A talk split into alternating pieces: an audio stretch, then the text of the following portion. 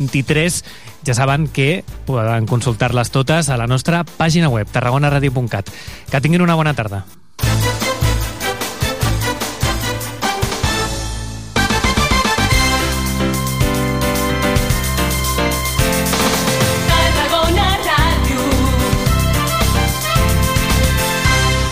Port Tarragona, motor econòmic de Catalunya. Node logístic estratègic de la Mediterrània. Porta oberta per ferrocarril a Europa i a la península Ibèrica. I espai d'oportunitats industrials i logístiques. Més informació a porttarragona.cat.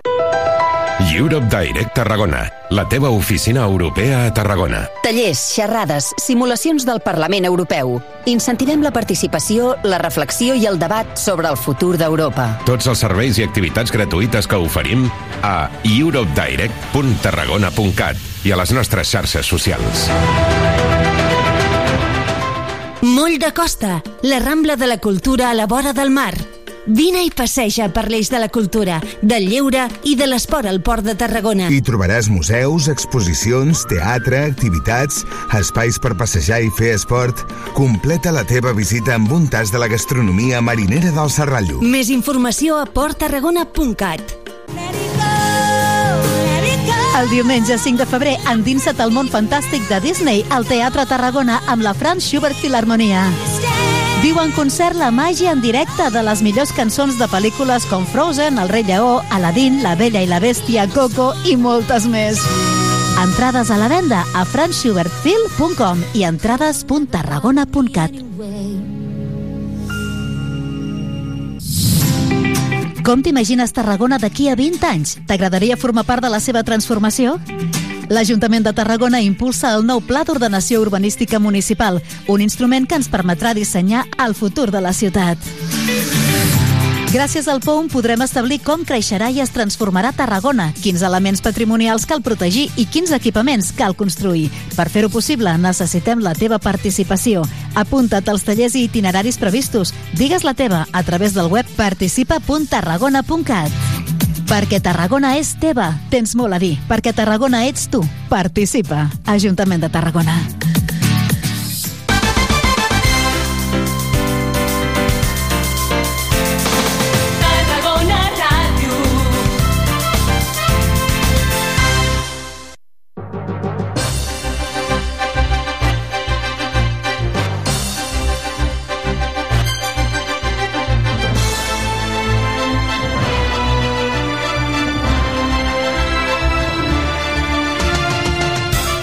Sempre Nàstic, el programa de referència de l'actualitat del Nàstic a Tarragona Ràdio.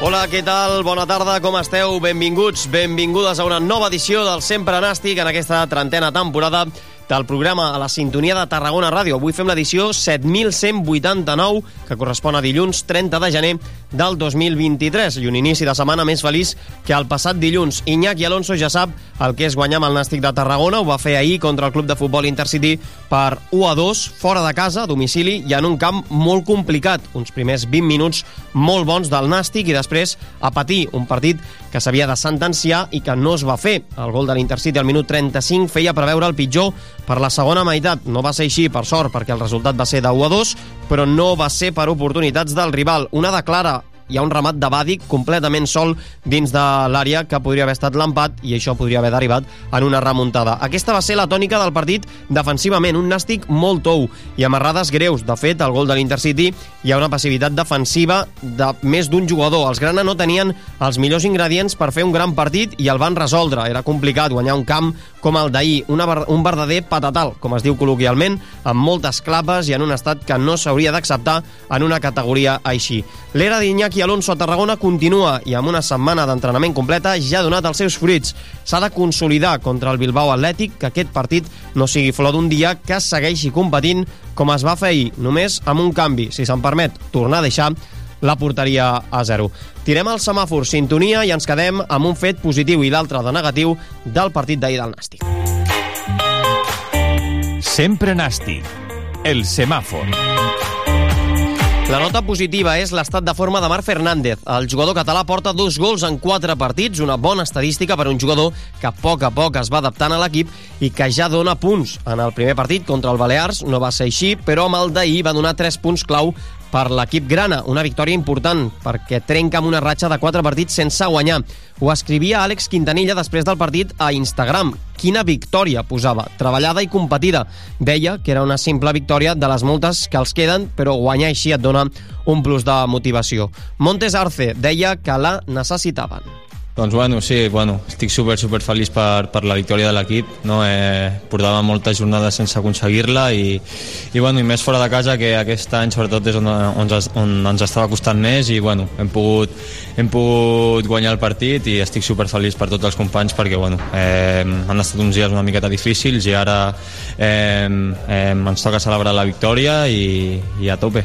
I la nota negativa, sense cap mena de dubtes, al terreny de joc. La gespa de l'Antonio Solana era lamentable. La gespa estava en un estat molt dolent, pelat, amb clapes i en zones que era com un camp de sorra. No entenc com es poden permetre camps així. D'acord que la federació es va capficar molt en no tenir camps com el del Cornellà, per exemple, que té gespa artificial. La gespa artificial està prohibida, ara camps com el d'ahir, mentre sigui natural, tots els que vulguis. No vull que hi hagi camps artificials, això que vagi per endavant, però em pregunto si realment és pitjor que tenir una gespa com la d'ahir. A tot això, el Nàstic es va imposar aquests problemes i sabia el que s'enfrontava. Ho deia després del partit Iñaki Alonso. 4-2-3-1 con más alturas precisamente por el tema de las segundas jugadas, por todo lo que habíamos eh, visto y analizado.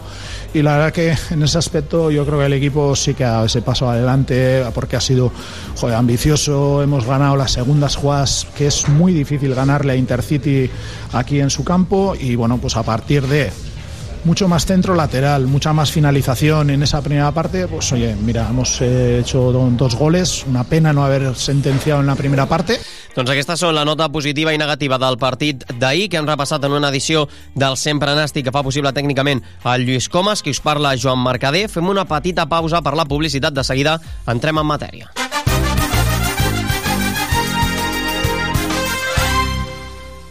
Viu tota l'emoció de l'esport a la Liga 29 a PortAventura World.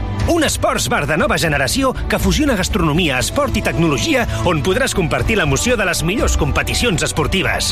Obert tot l'any. No cal tenir l'entrada als parcs per accedir-hi. Informació i reserves a portaventuraworld.com. Ja saps què són els fons Next Generation? Són paquets econòmics europeus per a la recuperació de la crisi de la Covid-19 dels estats membres i serveixen per finançar projectes de transició ecològica i digital, creixement sostenible, resiliència econòmica, cohesió social i territorial. En vols saber més? Informa't a europedirect.tarragona.cat i a les nostres xarxes socials. Europe Direct Tarragona, perquè som Europa.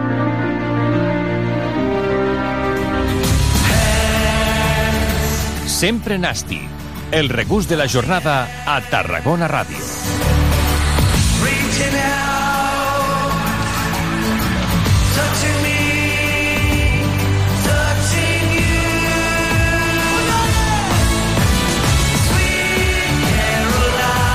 Abans d'entrar en matèria en aquest sempre nàstic de la victòria d'ahir per 1 a 2 contra el club de futbol Intercity, fem un petit parèntesis per recordar a Gerard Escoda que aquest divendres, malauradament, ens deixava després d'una llarga enfermetat. Ho volem recordar amb el Quico Ramírez, que ell és excompany seu aquí al Nàstic de Tarragona. Quico, què tal? Bona tarda. Hola, ¿qué tal? Muy bien, hombre. Com han sigut aquestes últimes hores? Ho dèiem, eh, des de que coneixíeu la mort de, de Gerard Escoda, també amb l'enterrament ahir. Com va ser aquest eh, últim adeu? Suposo que també bastant emotiu, no? Sí, sí, lo hemos, lo hemos vivido muy intensamente en estos meses, ¿vale? Porque han sido pocos meses, desgraciadamente, ¿no? Que, ha estado con nosotros luchando contra esa enfermedad tan cruel y la verdad es que, eh, bueno, muy muy afectados eh, los compañeros que coincidimos ayer en, el, la misa. En su memoria, pues la verdad es que a día de hoy pues estamos un poco en estado de shock, ¿no? Porque porque independientemente de la persona que era y de lo que significaba para nosotros, eh, ha sido tan tan cruel y, tan rápido todo que, nos ha pillado un poco, pues así, ¿no? Eh, desprotegidos, ¿no? Y, sin saber el por qué pues una persona con tanta salud y tan joven pues haya marchado así tan rápidamente, ¿no? És una autèntica llàstima, sobretot massa aviat, no? Ha marxat Gerard Escoda amb aquesta enfermetat. No sé si eh, vas a parlar amb ell sobre, sobre això, sobre aquesta enfermetat, o si vau tractar d'aquest tema. Eh, Què, què et deia ell? Bueno, la verdad es que, eh, como bien te comento, me, me, me pilló la mala noticia en Turquía y ayer viajé aquí a Tarragona y afortunadamente pude estar en su, en su despedida. Eh, pues bueno, eh, pues muy sorprendido, la verdad, porque yo me lo encontré muchas veces este año. De hecho, él siendo director deportivo del Sabadell, yo tengo a mi hijo jugando en el juvenil allí, tomaba café con él eh, por las mañanas. eh, eh, y bueno, y estaba muy bien, la verdad es que sí estaba muy bien y muy lleno de, de- de salud y con, con mucha fuerza y, y muy optimista. Mm, eh, bueno, pues eso. Es lo que lo que nos, nos va a quedar de él, ¿no? Su, su optimismo, sus ganas de vivir, su, su bueno, pues eso, lo que era llegar, ¿no? Lo que fue como compañero eh, dentro del vestuario, lo que ha sido fuera de él como padre, como tiene una familia eh, eh, impresionante en todos los sentidos, que, que- que ha sufrido todo esto, sus hijas, eh, bueno, amigas de, de mi hijo, eh, compañeras de estudios, bueno, pues eh, se ha juntado un poquillo todo, ¿no? Y muy emotivo, muy emotivo y, y hoy aún te explicas, ¿no? Eh, Que, que ya no está con nosotros y desgraciadamente pues el, el lunes ha sido muy diferente o está siendo muy diferente. Mhm. Un dilluns dur i per això, Quico, que t'agraïm molt, molt que ens hagis acompanyat en aquest Sempre Nàstic o que ens estiguis acompanyant en aquest Sempre Nàstic recordant la figura de Gerard Escoda. Per aquelles persones com, per exemple, jo, que no van poder veure a Gerard Escoda jugar, què ens podries dir de, de, del jugador Gerard Escoda? Com era? Bueno, como jugador, eh, el jugador más rápido que he conocido yo eh, en, mi, en mi carrera deportiva es un jugador que, que cuando corría parecía que tenía patines, o sea, era espectacular la facilidad que tenía eh, innata de, de correr, tenía el ADN de, que tienen los, las personas de color, es decir, innata, eh, lo positivo y lo fácil que veía las cosas, eh, lo, poco, lo poco que le costaba, bueno, jamás lo vi lesionado, es decir, una persona un poquito de, otro planeta, ¿no? Cuando estábamos y fuimos compañeros, ¿no? Eh, luego una persona pues muy muy muy alegre, una persona muy positiva, siempre con la sonrisa en la cara, siempre. Eh, jamás lo vi triste, jamás lo vi ni, ni combatiendo su enfermedad, lo vi triste, jamás. O sea, tenía, tenía en la cara una luz eh, espectacular. Y, bueno, siempre fue el mismo. Siempre fue el mismo. Mm, mira que pasaron años cuando coincidimos en el Nasti. Eh, luego nos juntábamos cuando él era director deportivo del Lleida. eh, ahora en el Sabadell. eh, y era el mismo. Siempre fue el mismo. Y bueno, eh, la verdad es que guardo muy buenos recuerdos de Gerard. Eh, banda derecha Gerard Escoda, banda izquierda yo. Pues las dos bandas siempre decíamos, ¿no? Que éramos la- las bandas más rápidas del fútbol español, ¿no? Y, bueno, el último gol también, eh, un gol que hice en Castellón, que juega de Gerard Escoda. Eh, en su momento por Twitter, él lo, lo- me contestó en Twitter. Bueno, pues eh, teníamos como una relación como hermanos, ¿no? Y, y bueno, y eso es lo que me va a quedar al final. Mhm. Vau coincidir la temporada 94-95 aquí al, al Nàstic, també la següent, 95-96. Aquella temporada Gerard Escoda va marcar una bona quantitat de gols amb la samarreta del Nàstic. Vaig, vaig llegir que més d'una trentena, per tant, és un jugador que, que marcava molts gols. Ara, aquí, et volem, eh, o et vull posar un, un tall de, de veu de- d'ell, de, de Gerard Escoda, amb una entrevista que ens feia aquí al TGN Esports a Tarragona Ràdio, parlant de l'etapa de, del Nàstic, sobretot també per, per recordar-lo a ell com era, que al final també era feliç quan parlava del, del seu nàstic, va néixer a, pop, a prop d'aquí, a Reus, però va estar dues temporades aquí a, a Tarragona. Escoltem el que ens deia Gerard Escoda sobre l'etapa aquí a, a Tarragona. Sí, no sé si exactament van ser aquestes xifres, però sí, rondaven això, van ser dos anys molt diferents, no? Eh, el primer any, doncs, bueno, era jo una mica en la novetat, també venia del Reus, eh, venia una mica com a segon plat, com si diguéssim, no? Eh, però bueno, ràpidament em vaig fer un, un forat en l'equip, eh, teníem el Pere Valentimor l'entrenador, era un, era un equip que intentava jugar a futbol, però bueno, aquell any ens va costar molt, ens va costar molt, ens vam trobar una categoria amb equips molt, molt forts i molt físics i ens va costar, sí que és veritat que, que no ho vam deixar solventat fins a, fins a aquella famosa promoció, em sembla que era a Casset, contra el Casseta, sí, sí, amb el gol d'Uribe, no? El gol d'Uribe, sí, no? Eh, faltant 5 minuts, no? I el segon any doncs, va ser totalment diferent no? hi va haver un, molts, molts canvis de jugadors es va, jo crec que apostar per, per jugadors de, de Barcelona, jugadors de, de fora també, no? com el Mosca, no? el, eh, el Fran, el, el César Esteban... Mm -hmm. no? Doncs això ens deia el, el Gerard Escoda. Tu també tens aquests records, Quico, d'aquella promoció. I quins records tens d'aquella etapa? Sí, bueno, eh, fue una... Fue, la verdad es que un final de liga muy duro porque perdimos la primera promoción con el Fuenlabrada, un equipo que le habíamos ganado la Copa del Rey ese mismo año y lo perdimos. Luego tuvimos que jugar ya el, último partido en Teruel con el Casetas, eh, donde todo fue en nuestra contra, hasta bueno, hasta ese gol de Oribe al final del todo, que, que hizo que nos salváramos eh, de descenso y bueno, me acuerdo del viaje de vuelta en el autobús. Bueno, éramos un equipo muy amateur, como aquel que dice, ¿no? Muy, con muchas personas de, de la zona de Tarragona y de Tarragona. Había un grupo de Reus, el Oribe, Balañá, bueno, una serie de jugadores. Luego, como él comenta, el año siguiente, pues con Jordi Gonzalo, pues el equipo, pues eh, creo que se reforzó muy bien, con Fran, con Mosca, con César Esteban. Y, y la verdad es que tuvimos un año sensacional eh, y bueno, y a partir de ahí Gerard Escoda empezó empezó a ganarse el respeto en, en el campo y a partir de ahí empezó su carrera verdadera, ¿no? Uh -huh. Bueno, pues sí, eh, muy emotivo, muy emotivo todo y, y la verdad es que, que, bueno, me ha hecho mucha ilusión escuchar su voz. Sí. Eh, siempre va a estar con, con conmigo eh, y, y, siempre lo voy a recordar con esa sonrisa uh -huh. en, la, en, la, en la cara. I acabem, Quico, amb, ara tu estàs en la faceta de director esportiu al Wisla Cracòvia de, d'allà de, de Polònia i ell era director esportiu del Sabadell. Vau parlar en algun moment de consells, d'algunes coses que ella et, et donés, perquè si no m'equivoco és la teva primera experiència així com a director esportiu? Pues mira, tengo un mensaje de él y él tiene un mensaje mío. Uh -huh. eh, el cual me felicitaba por mi cargo y me decía que, que, que él y yo íbamos a formar un buen tándem en, en el. Eso es lo que me decía en el mensaje y se alegraba mucho y, y bueno, eh, yo le contesté que, que ojalá pudiéramos trabajar juntos eh, y, bueno, y ahí queda el mensaje que tengo grabado en el teléfono. ¿no?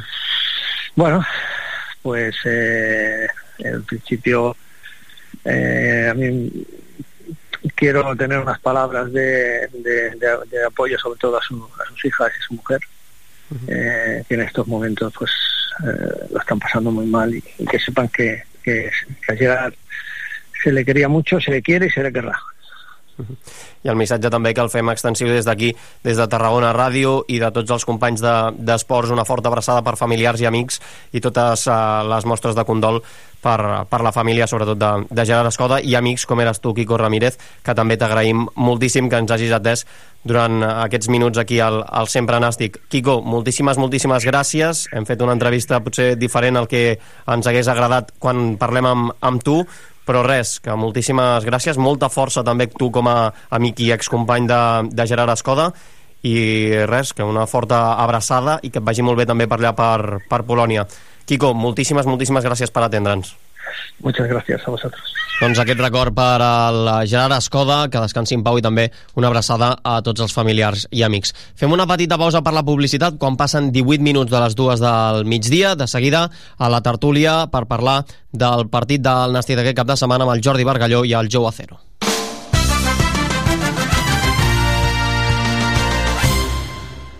Viu tota l'emoció de l'esport a la Liga 29 a PortAventura World. Un esports bar de nova generació que fusiona gastronomia, esport i tecnologia on podràs compartir l'emoció de les millors competicions esportives. Obert tot l'any. No cal tenir l'entrada als parcs per accedir-hi. Informació i reserves a portaventuraworld.com Port Tarragona ha fet seus els objectius per al desenvolupament sostenible de Nacions Unides. El Pla de Sostenibilitat del Port desplega els 17 ODS amb més de 80 accions per protegir el nostre entorn natural, amb l'objectiu de reduir en un 99% les emissions de CO2 de l'autoritat portuària al 2030. Port Tarragona. Port sostenible. Més informació a porttarragona.cat. Well, are you ready to go? Decidiste que tu vida no valía. Sempre nàstic. por sentirte siempre mal.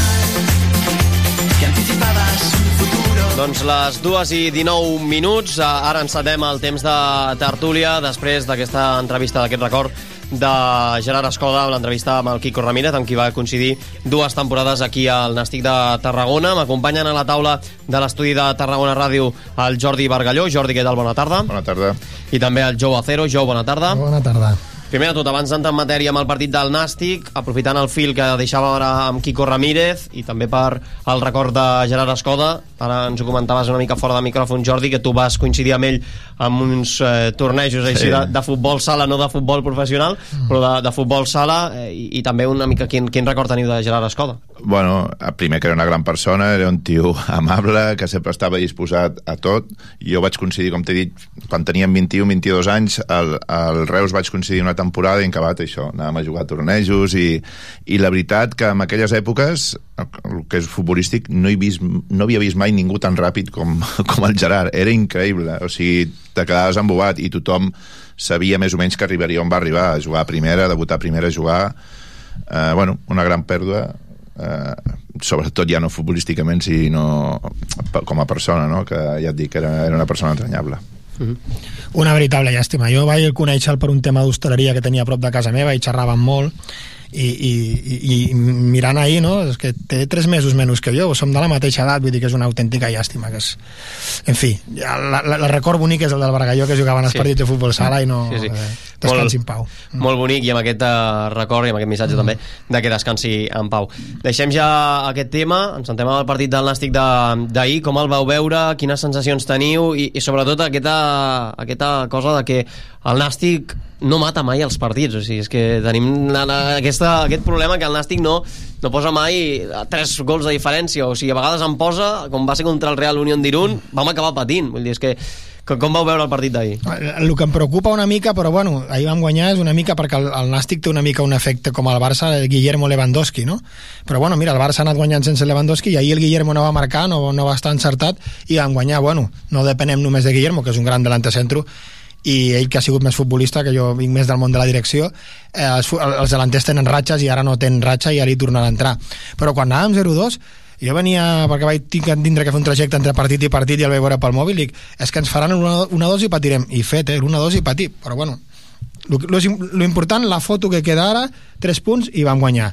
Que estem a prop de dalt, però també estem a prop de baix, perquè la classificació està molt partida. I ara l'entrenador és el nostre, perquè a mi m'agradava l'Agné, dec ser aquells bitxos raros que l'Agné m'agradava, jo no haguessi fet fora l'Agné, si hagués fet fora l'Agné haguessi ficat el Vidal d'entrenador, però bueno, al final el Consell d'Administració, que són els que m'han decidit el, a l'Alonso, i a partir d'ara l'Alonso és el meu entrenador i han mort amb ell, sí, sí. Uh, bueno, uh, era partit complicat, el que es demanava era els 3 punts, uh, s'han tret, sí que a partir d'aquí uh, ens posem amb un 0-2 al minut 20 i, ostres, és que ens costa molt... Ja, ja no, no cal fer res més, no cal marcar més gols, però sigues contundent en un camp on a futbol no es podia jugar, o sigui, uh -huh. per terra, doncs jo crec que si et poses 0-2, jo penso que encara més fàcil, no?, de que siguis contundent, perquè al final, per terra o jugant com juga l'altre equip, que també té bons jugadors, no et podien fer tant de mal, però bueno, vam acabar patint. Sí que és cert que em sembla que és l'única victòria visitant que hi ha hagut en tota la categoria, mm. o sigui, és molt difícil guanyar fora, i jo crec que estem ara mateix en una època de la temporada que només es demanen resultats. Hem d'anar això, aquestes 3 o 4 setmanes, per què? Perquè hi ha un canvi d'entrenador, els jugadors s'han d'adaptar, és sempre complicat, encara que la primera setmana és molt motivador perquè ve un, un entrenador nou, però a partir d'aquí t'has d'adaptar a la seva manera d'entrenar, al que ell vol, i amb aquesta transició d'aquest mes eh, el que compten són els resultats o sigui, i ara mateix és aire pur guanyar i bueno, si fem aquesta setmana la victòria a casa, que és el que hauríem de fer, doncs és un 7 de 9 amb l'entrenador nou, que la veritat que, ostres, jo crec que estaria molt bé. Sí, sí. Seria important per aquests, aquests tres punts també doncs donen aire, això que, que deia ara el Jordi de, d'aquesta estrena que Iñaki Alonso no, potser no va tenir l'estrena que volia contra la Societat Deportiva Logroñés, però sí que és veritat que portava molt poc, molt poc temps treballant i que li hem de donar moltíssim, moltíssim temps i que ara això el que, el que necessitem ara són 3 punts, que ara ens en feia referència Jou, que està la, la cosa molt igualada, a 5 punts del descens, a 3 del playoff descens i a 9 del, del líder. També positiu que aprofitéssim que el líder, que realment des del club es diu així, que aquest és l'objectiu de l'ascens directe, veurem si acaba sent així o no, però que el que es diu des, des del club és aquest, que el líder va empatar al seu partit i que almenys li retalles dos punts al, a l'Aldense. És que si guanyes el Bilbao Atlètic, en, bueno, enganxes el que diu el Bargalló, una ratxa de 3-4 partits seguits guanyant, te fiques a dalt. Mm. I també, positiu, el Marc Fernández està portant moltíssim. Se nota que és un jugador que té alguna no? Vull dir que almenys hem encertat amb aquest fitxatge al mercat d'hivern. Ja porta dos gols, crec, Sí. o tres, vull dir... En quatre partits, sí. En quatre partits, assistències, és un jugador diferencial. A mi m'agrada molt i crec que és un gran fitxatge. Això també fiquem algo positiu, no?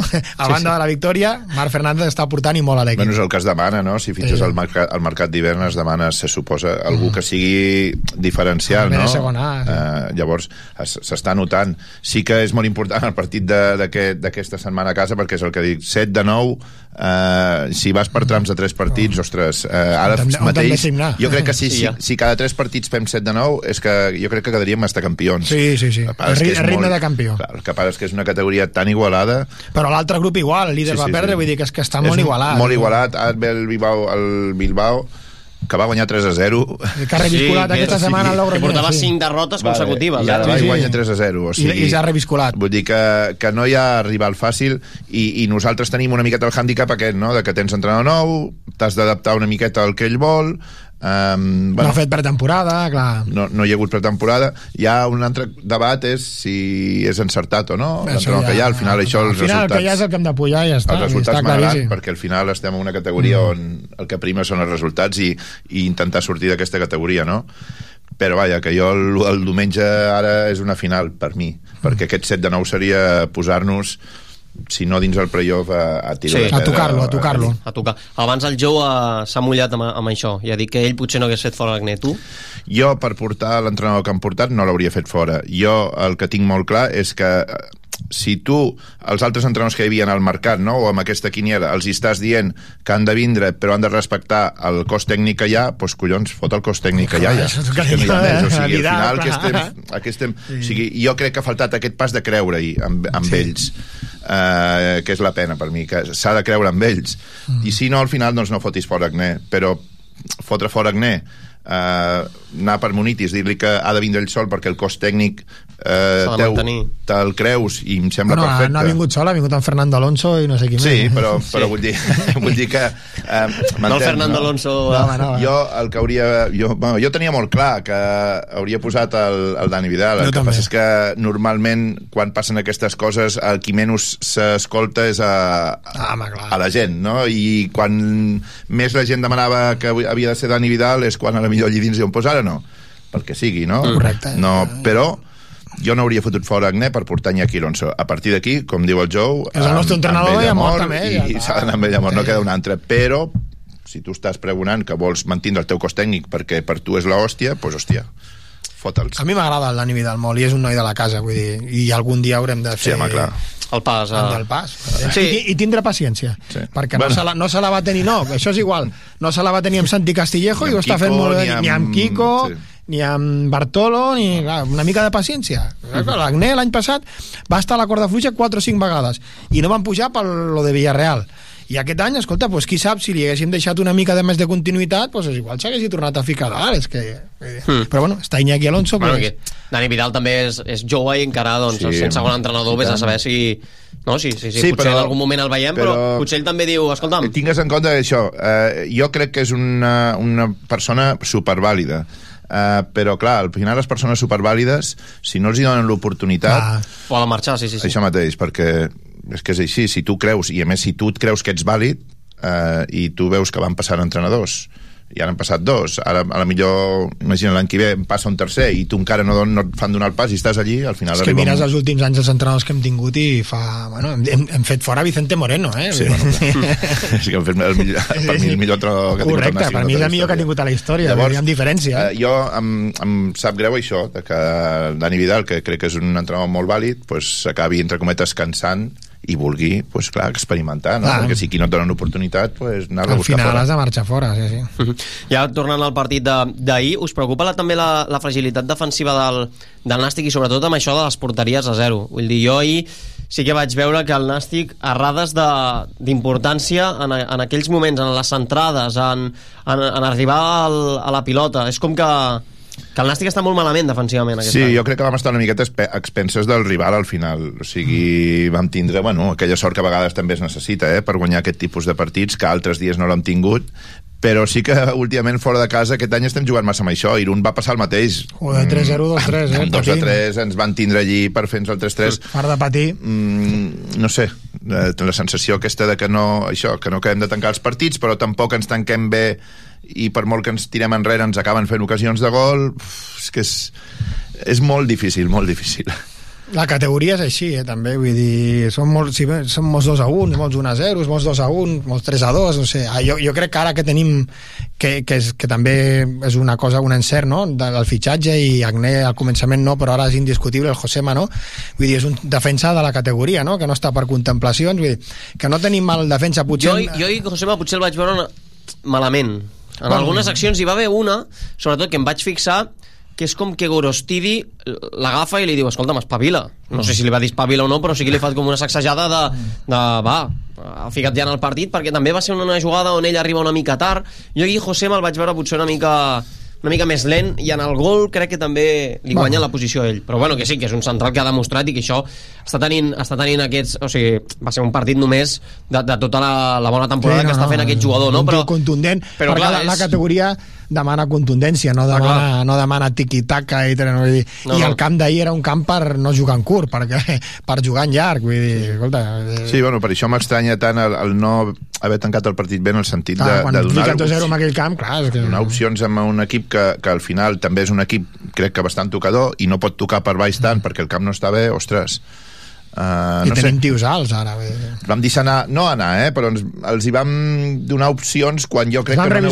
això mateix, no haurien d'haver tingut cap opció ni de poder empatar el partit i van tindre les seves opcions, o sigui... I en el partit vam, vam veure un altre canvi també amb, el, amb la formació, amb aquest 4-4-2 en rumba que va fer en el primer partit Iñaki Alonso. En aquest partit contra l'Intercity va, va apostar més per un 4-2-3-1. Us va acabar de convèncer vosaltres el rumba aquell al mig del camp? Us convenç més el 4-2-3-1? Jo, jo, jo és que sóc un fan del 4-4-2 vull dir, de, Sí, eh? de, tot, de tota la vida al futbol vull dir, el Barça quan treu tres delanters m'emprenyo quan treu quatre per, per ficar el símil vull dir, a mi és que això del 4-2-3-1 el 3-5 el futbol és 4-4-2 o 4-3-3 i a mi m'agrada, crec que és, que és el millor sistema és quatre tios al mig del camp, sempre, sempre sempre. Clar, ja veiem, el però 4 a, a l'equip que sigui eh? El 4-2-3-1 almenys tens les, les bandes que sí que és el que després del partit contra la Societat Deportiva Logroñés però els dos van molt de boli sí, també, però això clar. també depèn molt, ja no del rival, sinó dels teus jugadors, perquè un 4-2-3-1, si les dues bandes no tenen el dia, es converteix en un 4-5-1, Sí, sembla que s'ha sí. colat al darrere, uh, i jo el que veig és que encara està buscant una miqueta, suposo també l'entrenador, clar, és entrenador nou, mm. uh, i està buscant una miqueta a veure quina és la millor manera, o a la millor és el típic entrenador que es va moldant també a les necessitats, no? El, a el que necessites davant de, del rival de, de torn però al final els sistemes el fan molt els jugadors Sí, no, clar, al, clar. al final, escolta, em fa 25 anys,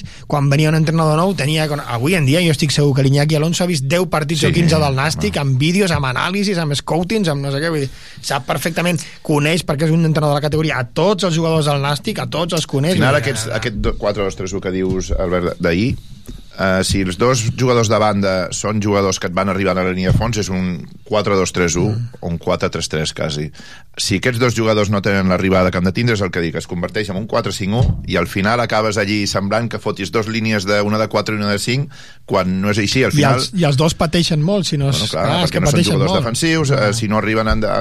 llavors, bueno, els jugadors són els que al final et marquen una miqueta el sistema en el que acabes jugant Mhm. I ja també per, per anar acabant en, aquesta, en el dia d'avui es tanca el mercat de- d'hivern i el Nàstic només ha fet un reforç no s'ha parlat, no s'ha dit res no, en teoria no hi ha d'haver més eh, més incorporacions en aquesta, en aquesta plantilla vosaltres esteu contents amb la plantilla que s'ha quedat? Aviam, el que s'ha fitxat, s'ha fitxat top. Sí. Perquè vingui un Medianies, com altres anys, eh, i, i parlo d'anys enrere, eh, no potser...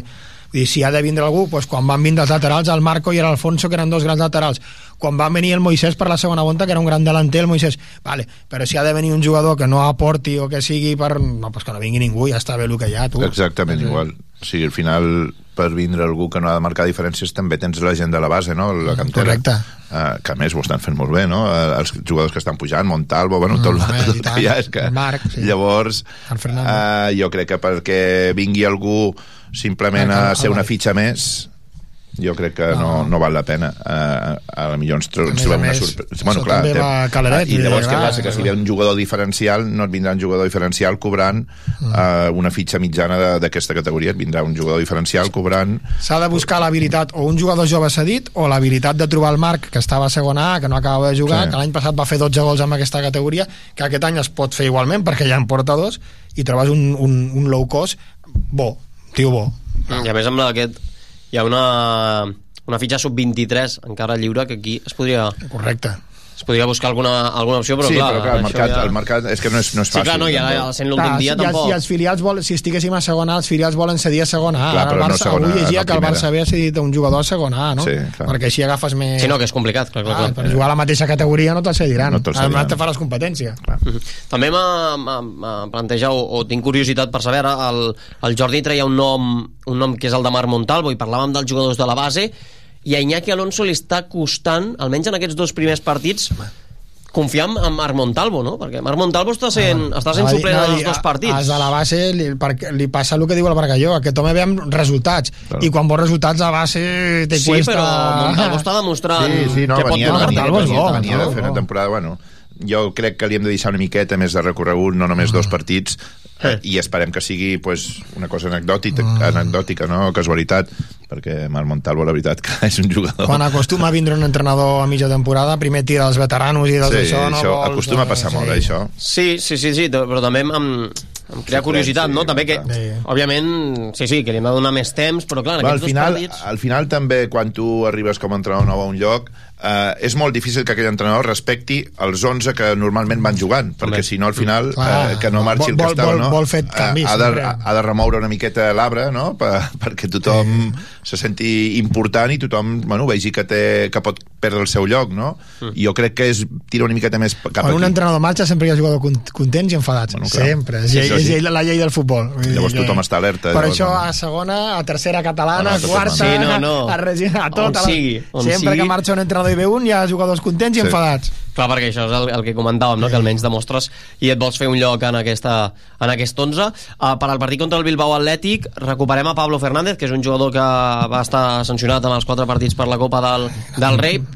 Una sanció potser injusta, podríem dir-ho podríem dir així, però això seria una altra, una altra I cosa, la però... Lewandowski per fer així, Sí, bueno, això ja és que és al final... Mm, Ja això, és està. un altre, això és un altre, Sí, un altre no, tema correcte, vull dir- però, però Pablo Fernández també ens pot aportar això que al Nàstic li està costant últimament que són aquests gols i sobretot també vull enllaçar-ho en, en, en la situació de, de Guillermo Fernández no? que sembla que no està trobant el seu Jo crec que és convenient entrar molt bé, esquenes a la porteria. Ah, això que el la Pablo, tornada de el Pablo Pablo potser- aguanta molt bé perquè és un tio molt... A mi el Pablo és que és la meva debilitat, vull dir, des que va arribar, a mi és el jugador que més m'agrada del Nàstic. Té algo diferencial. Sí que el Guillermo i el Marc són bons, eh? Però a mi el Pablo, no sé... Tres Fernández, eh? Tots sí, els sí. Allà. El Pablo a mi m'agrada. És un jugador, no sé, el Berguer, però a mi és un Sí. tio que m'agrada. Bueno, I eh, s'ho deixa tot, eh? Vull dir. Sí, al final I, aquests I és tan jugadors- innocent de bon tio que la sanció li ve per ser massa bon tio, perquè tampoc no ve... aquest clar, tipus eh? de jugadors a, a, a l'afició agraden, enganxen, eh? no? el jugador que s'ho deixa tot i, i al final bueno, és un bon I fa golets, eh, sí, sí, eh? al Sí, final, clar. entre cometes és un bon fitxatge vull dir, Sí, no, no, Sí, sí, sí, clar, llavors sí. mira, és quasi com un fitxatge Fitxatge que volíem dir, ja, correcte, correcte, doncs, deixem-ho amb, amb ell Correcte, sí, sí. El que Los dos Fernández d'invierno. Sí. Exacte, aquest fitxatge que volíem de d'hivern contra aquest partit o contra el Bilbao Atlètic ara també em feia referència al, al Bargalló d'aquesta d'aquesta victòria per 3 a 0 un equip que també ve molt dolgut i que potser després d'aquesta victòria diu, ostres, escolta, escolta'm, que potser m'ho crec i, i podem sortir d'allà baix vull dir, Jo- també es fa perillosos i és Sí. un filial, eh, que els filials sempre... jo prefereixo eh, que s'ho creguin eh, Sí, vull dir que vinguin aquí a intentar que és el que no els hi queda un altre també i vindre aquí a intentar guanyar i que juguin una miqueta oberts perquè jo crec que el Nàstic tindrà moltes, Els filials moltes més juguen opcions sempre al futbol, Mhm, això està clar. sí. I els filials són una caixa de sorpreses. Poden vindre aquí, fotre el partit de la vida i guanyar Sí. 3-0-4, els hi pots fotre 4-0. veig molt favorit al, al Nàstic diumenge Sí, jo també. jo el veig molt favorit però però bueno, s'han de jugar els partits, però jo crec que sí, perquè és el que diem, els filials acostumen a obrir-se, intentar jugar-la, i jo crec que aquí al nou estadi això al Nàstic li va bé. Els equips que li venen aquí a casa a intentar jugar, jo crec que, que li va bé al Nàstic, no molt millor que els equips que et venen a tancar i a sortir a les contres, que aquí sí que ens estan fent molt mal, com l'Atlètic Balears, tot aquest tipus Ah. d'equip Sabadell... Futbol de primera ref. Sí, això mateix. Sí, tornar-nos a fer forts a casa, no? També, Sí. perquè... Sí. Vam Sí, perquè jo crec- la Societat, vam perdre una 3 contra l'Atlètic Balears, Jo crec que recuperar això... el playoff passa per aquí, per ser forts a casa, perquè l'alt- ahir vam guanyar... sí, fora. ahir vam guanyar, però ja ho, ho hem dit abans, és molt difícil guanyar fora, perquè no ha guanyat ningú aquest, aquesta jornada, menys, que el, menys el Nàstic, i bueno, és difícil. Llavors tot el que tu facis a casa, a fora, és difícil anar, anar a treure coses. Uh -huh. A casa, sobretot aquests resultats doncs, de, de sumar de 3 en Fi- 3 els i que no sempre estar... són una caixa de sorpreses. Pots trobar-te Sí. que el millor jugador se l'emporta el primer equip i no... Sí. que jo sempre he defensat, potser perquè he nascut a Anglaterra i meus pares han viscut molts anys, potser el sistema anglès, no?, d'una lliga de filials, perquè si no al final és, és descompensat tot això. Sí, al final... És sí, descompensat, sí, està clar. clar. Però, bueno, però al final una lliga de filials... Bueno, sí. I els jugadors lesionats, els que no juguen. Ah, El Madrid, Castilla l'any passat va venir aquí i aquell partit justament en la tassa se'l van emportar amb el primer Sí, equip, sí, que sí. no va jugar ni un minut, però ens va vindre de perles, perquè, Sí, clar, no, clar. i, i vam guanyar 1 a 0, vull dir, Sí. si a la tassa arriba a vindre aquí, vés a saber, perquè és un delanter centre de primera divisió que està jugant a primera, és que això és molt complicat. Sí, veurem, veurem a veure com es dona aquest partit. Un resultat, una, una porra, quin creieu que es pot, que es pot donar. Vinga, 4-0, va. 4-0 contra l'Atlètic. Sí, Bilbao Atlètic, ostres. Igual és de los Fernández. Vas? Però hack-trick i un, o dos i dos. Igual, cota, que, com vulguin. Que Pablo i Guillermo, no? Correcte. Jo crec. Bueno, o, o l'altre, Omar Fernández. Omar, també. els tres. Un, Algun dels tres. Un dels tres, un i un dos. Això és fàcil, eh? Un dels tres Fernández marca, això és fàcil, eh? Jo el típic resultat d'1-0. Ah, no. D'allà no et mous, eh, tampoc. No, no, no perquè eh, ah. crec que és el resultat més vist quasi a la categoria. Sí, bueno, però escolta, sí. el Bilbao vindrà sí, l'atac, sí, s'unirà... I... Però... Esperem, esperem que això, que això sigui així. Jordi Bargalló i Jou Acere, moltíssimes gràcies per acompanyar-nos en aquesta tertúlia del, del Sempre Nàstic, que això sempre també es fa més a me quan el Nàstic fa... I tant, i tant, eh, i, tant, i tant, i tant. Que no? també, també ho necessitem. Moltíssimes gràcies als dos. Una abraçada. Una abraçada a vosaltres. Ara tirem eh, sintonia i escoltem i saludem ja al José Antonio Luaces, com és habitual amb la seva secció, amb l'altra lliga, amb les estadístiques de tot el que ens ha donat tant el grup 2 de la primera RFF com també el Nàstic de Tarragona.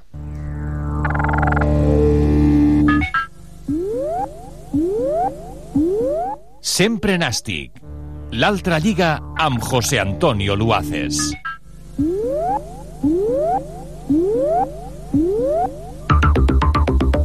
Doncs això és el que fem amb el tram final del Sempre Nàstic, com és habitual cada dilluns. Reservem aquesta altra lliga, les estadístiques de la lliga i també del Nàstic de Tarragona, amb el José Antonio Luaces. José Antonio, què tal? Com estàs? Bona tarda. Bona tarda, Joan. Primer de tot, preguntar-te quina és la teva valoració d'aquesta victòria del Nàstic per 1 a 2 contra l'Intercity. Pues para mí fue una victoria importantísima y que pone al Nastic de la mano de Iñaki Alonso en la buena senda. En estos momentos, y ya lo hemos dicho en, alguna ocasión anterior, eh, lo importante es la victoria y lo secundario es todo lo demás. A mi juicio, mm, y respecto al partido, tuvo, tuvo dos fases muy claras. Una que duró unos 20 minutos aproximadamente, que fue cuando el Nastic se puso por delante en el marcador, fruto de una eficacia rematadora máxima. 0 a 2. Y la otra de unos 70 minutos en la que el equipo grana eh, compitió para mantener y asegurar la victoria final. Aunque para ello pues eh, tuvo que ser necesario que el rival fallase varias ocasiones de gol. Creo recordar que en la segunda vuelta, en segunda parte, pues hubo como cuatro o cinco aproximadamente, y que Manu García, como casi siempre, tuviera una gran tarde. I de la situació numèrica del Nàstic després d'aquesta jornada 21, que ens en pots dir? Esta nueva victoria eh, fuera de casa deja eh, de, al Nastic, después de 21 jornadas disputadas, dos ya de la segunda vuelta, con ocho victorias, seis empates y siete derrotas. Y en cuanto a goles, pues se ha producido 22 eh, a favor y 26 en contra. Se ha producido aquí una, una pequeña mm, disminución de, de la diferencia de goles que baja a menos 4.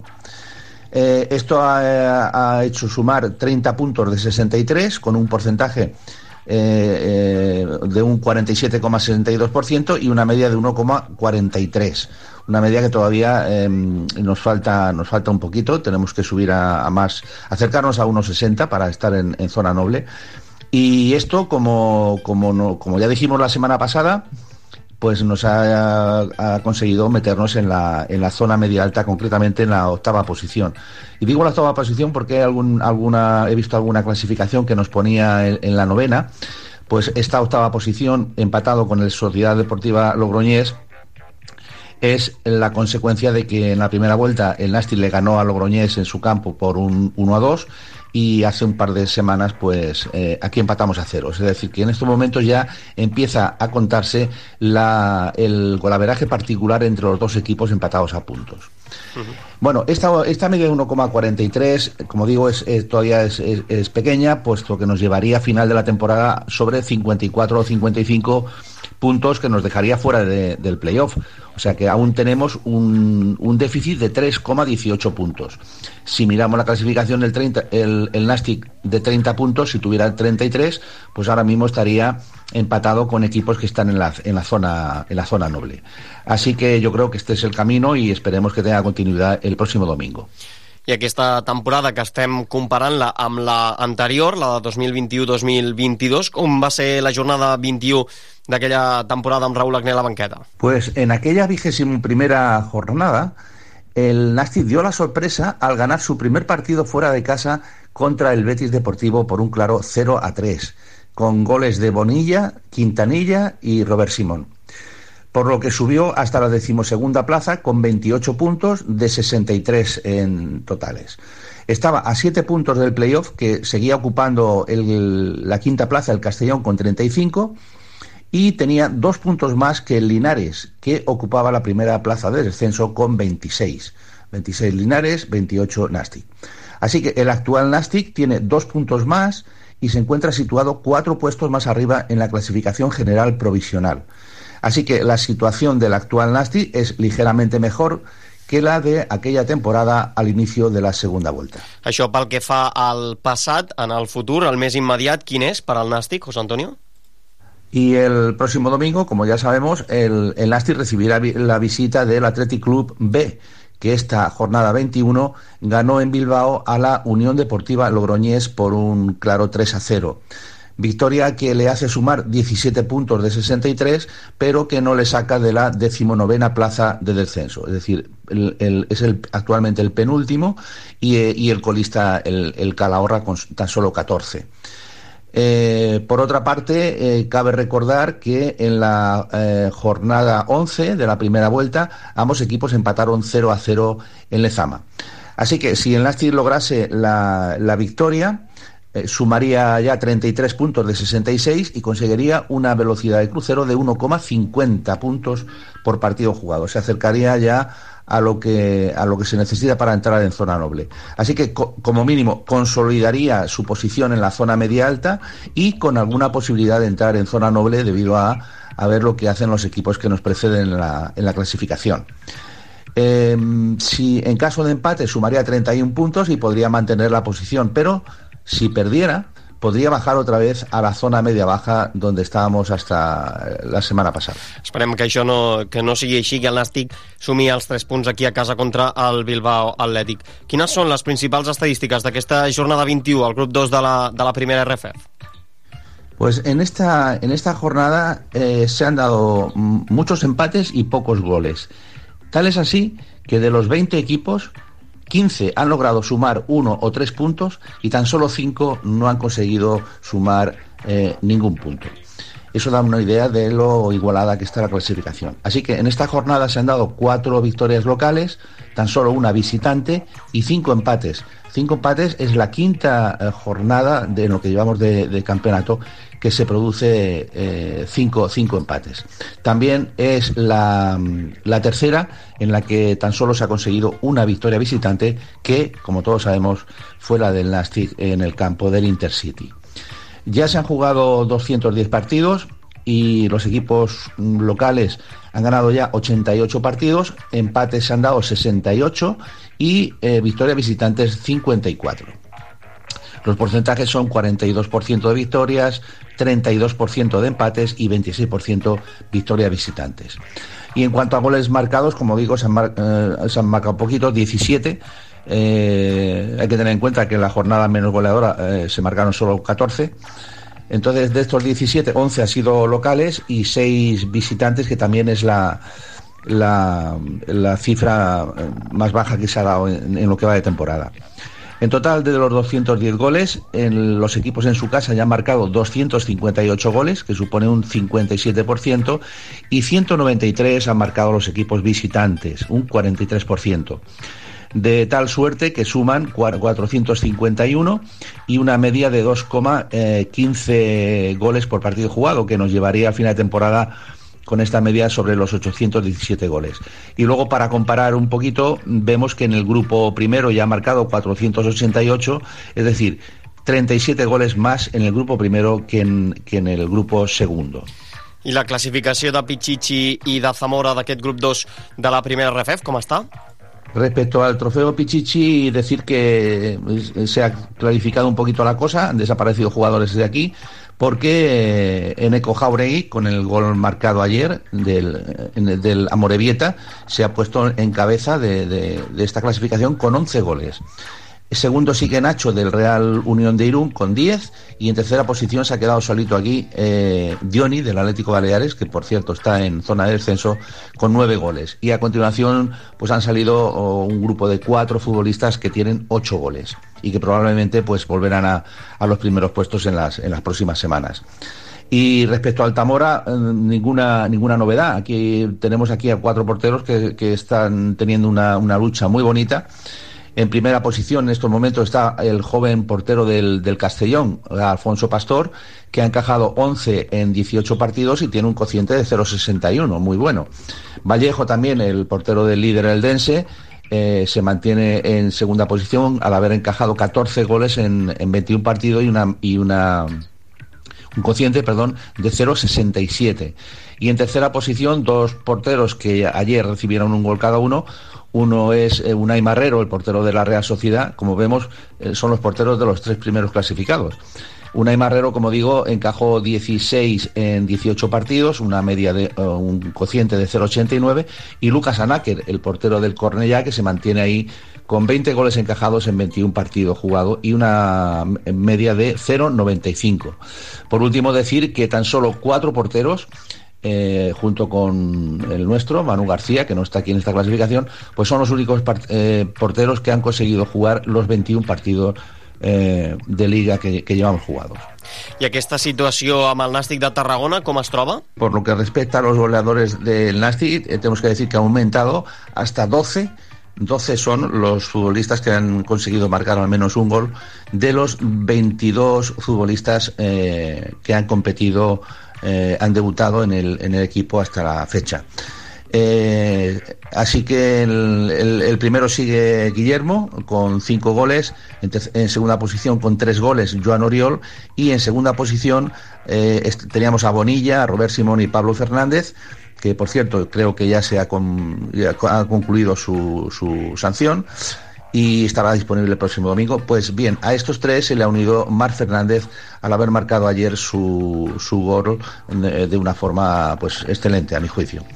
Y respecto a Manu García, bueno, pues eh, sigue ahí en su línea, 26 goles encajados en 21 partidos jugados y, y un cociente de 1,24.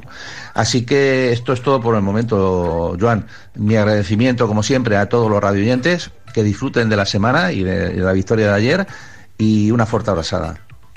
Gràcies a tu, José Antonio, per portar-nos un dilluns més aquesta secció. Nosaltres ho anem deixant aquí, ho deixem, com és habitual als dilluns, amb el resum d'aquesta victòria per 1 a 2 del Nàstic de Tarragona contra l'Intercity. Esportivament parlant, tornem demà a la una del migdia amb el Tegen Esports. El Nàstic, en, en format programa Sempre Nàstic, tornarà amb el podcast. Sapigueu cada dijous doncs, que pengem el podcast a les xarxes socials i també els divendres el podeu escoltar. En aquest podcast el que farem és prèvia del següent partit del Nàstic, que serà contra el Bilbao Atlètic, aquí al nou estadi Costa Daurada, el diumenge a les 5 de la tarda. Us deixem amb el resum del partit d'ahir. Que vagi bé, bona tarda, adeu!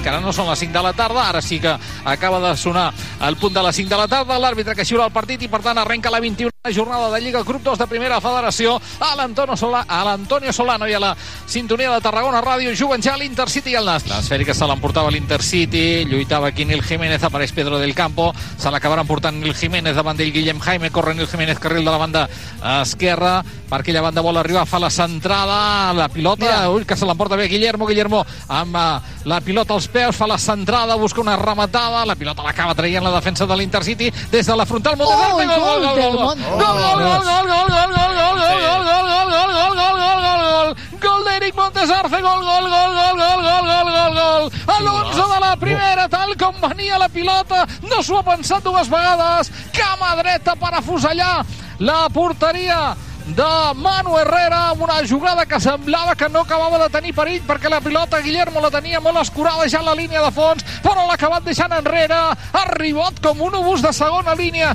Eric Montesarce per afusellar la porteria de Manu Herrera per avançar el Nàstic a l'Antonio Solana i a la sintonia de Tarragona Ràdio marca Eric Montesarce marca el Nàstic Intercity 0, Nàstic 1. I ara amb el eh, marcador ja condicionat, però presentarem el, el joc de la porra. Ui, gol, gol, gol, gol, gol, gol, gol. Mira. Gol, gol, gol, Sí, sí, gol, sí. gol, gol, gol, gol, gol, gol, gol, gol, gol, gol. Gol de Marc Fernández, gol, gol, gol, gol, gol, gol, gol, gol, gol, gol. Una jugada que semblava que no acabava en res perquè Nil Jiménez havia tingut feina per controlar l'esfèrica, però ha estat de sort perquè li ha sortit bé la passada cap a Aaron Rey perquè que li ha tornat altra vegada per Nil Jiménez, fa la centrada i tornava a entrar des del darrere Marc Fernández pel 18 aquesta primera meitat posar el segon gol del Nàstic. Amb 6 minuts el Nàstic ha marcat dos gols. A l'Antonio Solana el primer Montes Arce el segon Marc Fernández per batre la porteria per posar-li el par llarg de la porteria de Manu Herrera marca el Nàstic marca Marc Fernández Intercity 0 Nàstic 2 Sí, Última que- Velotti Ullechani. Oh. sí, acaba de marcar.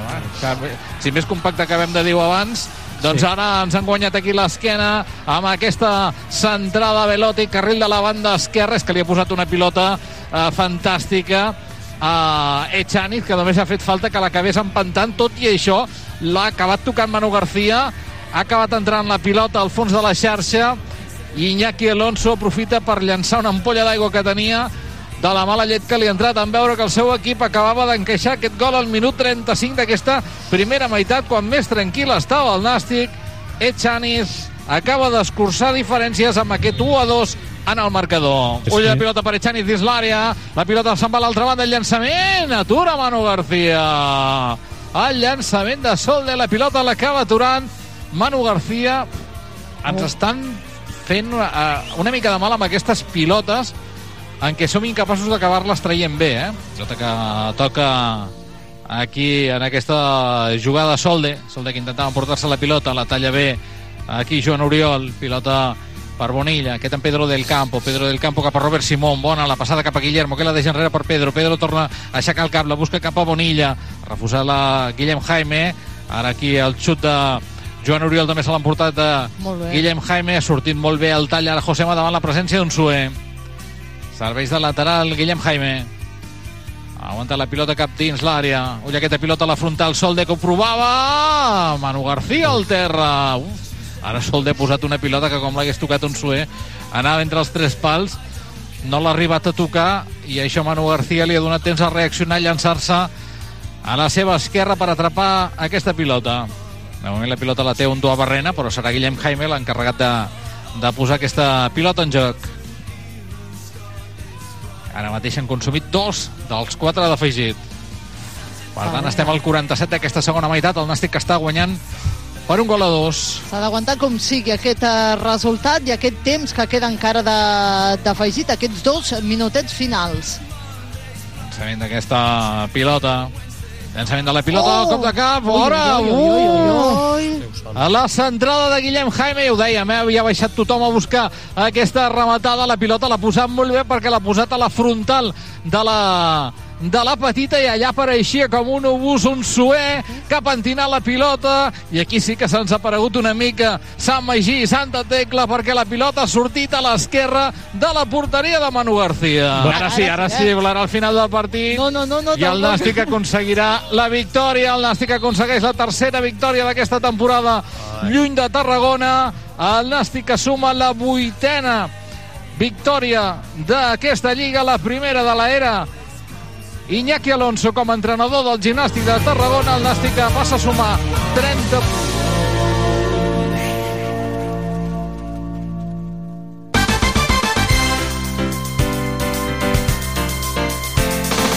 Tarragona Ràdio. Queda't amb el T de Cultura de Tarragona Ràdio. Totes les setmanes estem d'estrena. Lletres, música, art, història... Queda amb el T de Cultura els divendres de 8 a 9 del vespre i la redifusió dels diumenges de 12 a 1 del migdia. Quedem amb tu, Josep Maria Soler, a l'edició sonora i Mònica Socies, a la producció i presentació del T de Cultura de Tarragona Ràdio.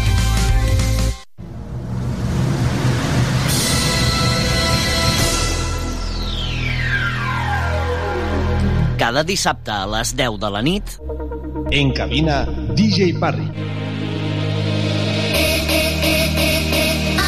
DJ Parry, el DJ resident de Tarragona Ràdio, t'ofereix la millor selecció musical perquè et montis la festa allà on vulguis. Els darrers èxits musicals els trobaràs a Tarragona Ràdio, cada dissabte a les 10 de la nit i amb DJ Parry. Prova-ho i repetiràs.